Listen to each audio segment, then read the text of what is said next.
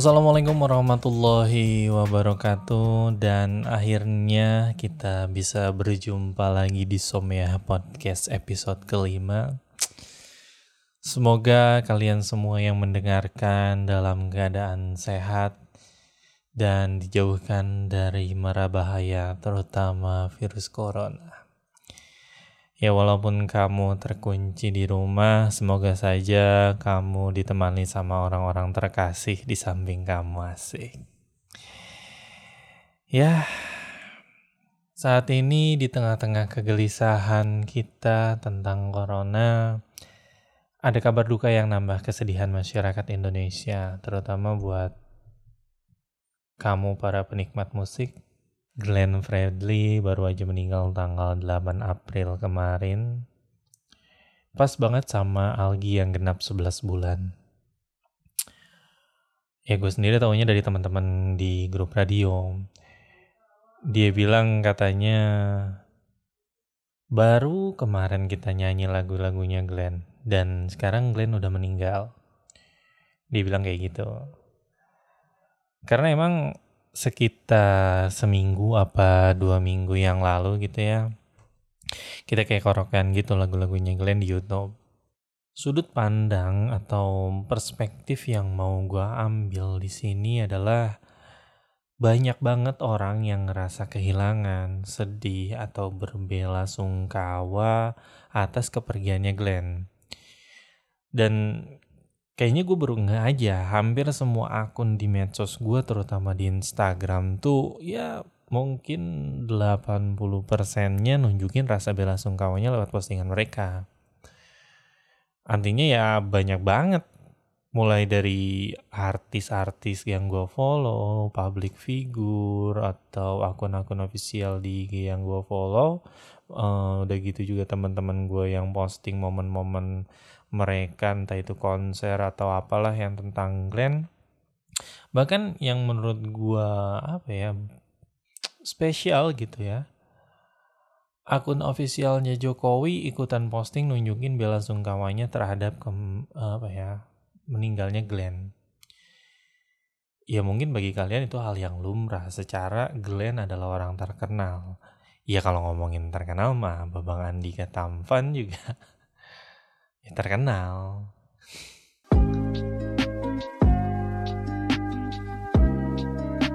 Somea Podcast. Tapi poin gue adalah segitunya pemimpin negara menunjukkan rasa bela sungkawanya. Walaupun akun IG Jokowi juga yang postingnya admin, bukan Jokowinya bukan Jokowinya sendiri gitu. But still, bagi gue itu tuh apa ya meaning banget punya arti yang menyiratkan sesuatu. Segitu banyaknya orang yang ngerasa kehilangan segitu banyaknya orang yang nunjukin rasa kesedihannya dan segitu banyaknya orang yang mengiringi dia dengan doa. Pertanyaan pertama di otak gue adalah apa sih yang bisa bikin semua orang ngerasa kayak gitu sama Glenn? Apa karena dia orang baik gitu ada peribahasa yang bunyinya gajah mati meninggalkan gading. Harimau mati meninggalkan belang. Manusia mati meninggalkan hutangi. Manusia mati meninggalkan nama. Ya, kalau kelakuannya jelek, ya namanya dikenang jelek. Tapi kalau baik, ya pasti dikenang sebagai orang baik gitu loh.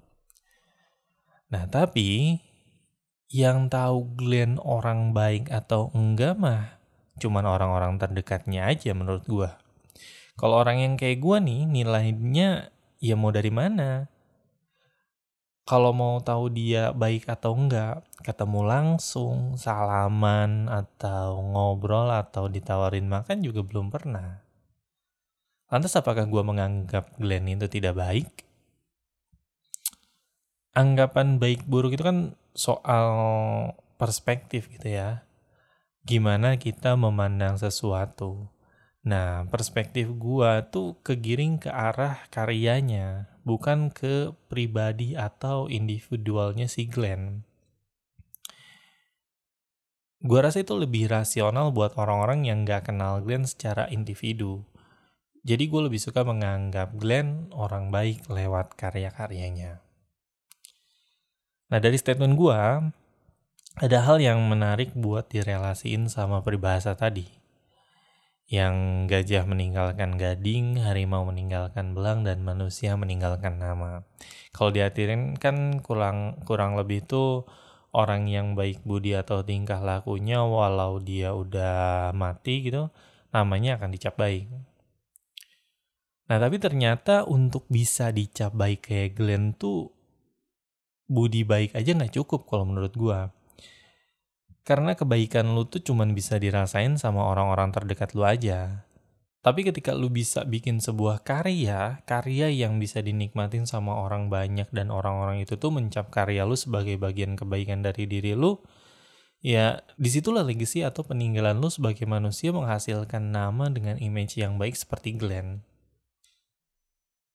Nah pertanyaan yang kedua, apakah gue gak pengen nunjukin bela sungkawa gue terhadap Glenn?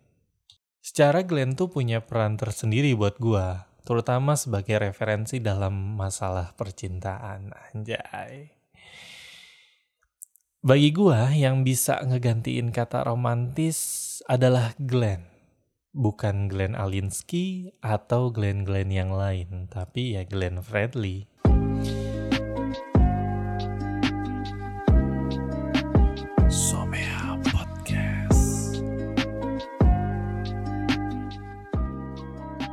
Karena karya-karyanya tuh macam sumber daftar pustaka buat nyekil para cewek, ya gak sih? Pasti banyak banget orang-orang yang terinspirasi sama karya-karya yang Glenn atau ngerasa relate banget sama ke uh, apa ya kehidupan percintaannya gitu. Gue malah pernah ngelewatin masa-masa galau gue karena putus cinta bareng lagu kisah sedih tak berujung. Wih yang katanya cerita di balik lagu itu adalah pengalaman pribadinya Glenn. Ya lagunya bikin gue ngerasa makin relate aja sama kegalauan gue. Jadi um, sebenarnya nggak aneh kalau para sobat ambiar gitu ya joget sambil nangis dengerin lagunya Didi Kempot karena antara lagu sama yang dirasain pada waktu itu ya sama malah gue sampai pengen banget nyanyiin lagu kisah romantis yang tinggallah sayangku. Ya gue pengen nyanyiin itu di kawinan gue ya walaupun pada akhirnya nggak sampean. Gue nyanyiinnya pas lagi berdua aja gitu sama istri pas sudah kawin dan itu pun diganti lagunya. Jadi lagu You Are My Everything segitu aja kita nyanyi bareng gitu. Sambil dengerin atau lihat videonya di YouTube istri gue langsung kelepak-kelepak gak tahan pengen bikin dede lagi buat Algi ya lah seberperan itu karyanya Glenn buat gue jadi pada dasarnya sih ingin tapi gue nggak mau cuma nulis postingan aja. Kata-kata sedih buat nunjukin bela sungkawa gitu ke Glenn. Gue pengen ungkapin dengan cara gue kadang gue mikir kalau seharusnya kematian tuh tidak selalu tentang kesedihan yang berlarut-larut. Kalau sekarang kan lagi hits tuh orang Afrika bawa keranda jenazah sambil joget-joget. You know I'm bogek gitu kan. Entah kenapa gue ngerasa punya teman apa ya teman sepemikiran aja sama mereka. Iya walaupun ketika gue mati gitu ya, gue juga nggak pengen keranda gue dibikin kayak wahana ombak di pasar malam. Maksud gue ketika di antara orang terdekat kita meninggal atau kitanya nih meninggal, normalnya ya bersedih, tapi ya bersedihlah sewajar dan secukupnya. Toh dengan berlarut-larut juga nggak bikin yang mati hidup lagi, atau sekiranya yang mati bisa lihat nih, e, bisa bisa bisa lihat kita nih di dunia yang sedih terus. Mungkin mereka akan bilang, udah nggak usah sedih terus di sini gue udah bye-bye aja kok nanti juga kita ketemu lagi. Misalnya mereka bisa ngomong kayak gitu. Intinya nggak kebawa terlalu sentimental gitu dan tidak melulu nangis dan bersedih. Salah satu contohnya gue pengen bikin podcast tentang Glenn. Seberapa impact dia buat gue, buat orang di luar sana, buat orang-orang yang dengerin podcast gue kalau ada tapi masalahnya gue nggak bisa gitu. Dari awal gue ngomong sampai podcastnya kelar gue bawain dengan genre sedih. Banyak kata-kata mutiara yang formal. Ya gue nggak bisa. Ya ini aja gue nyoba beberapa kali ngejokes walaupun menurut lu jokes gue kurang appropriate gitu dengan keadaannya. Tapi inilah gue dan cara yang gue bisa tunjukin ya ini. So hal terakhir yang gue mau bilang selamat jalan Glenn Thank you buat karya yang terlantun dengan indah dan belajar dari Glenn kalau lu cuman bisa ninggalin nama lu pas mati maka bentuklah nama itu dengan karya dan budi baik. Gue Fahmi, undur diri. Selalu sehat, jauh dari corona, cuci tangan, stay safe di rumah aja. Wassalamualaikum warahmatullahi wabarakatuh. Sampai ketemu di podcast berikutnya.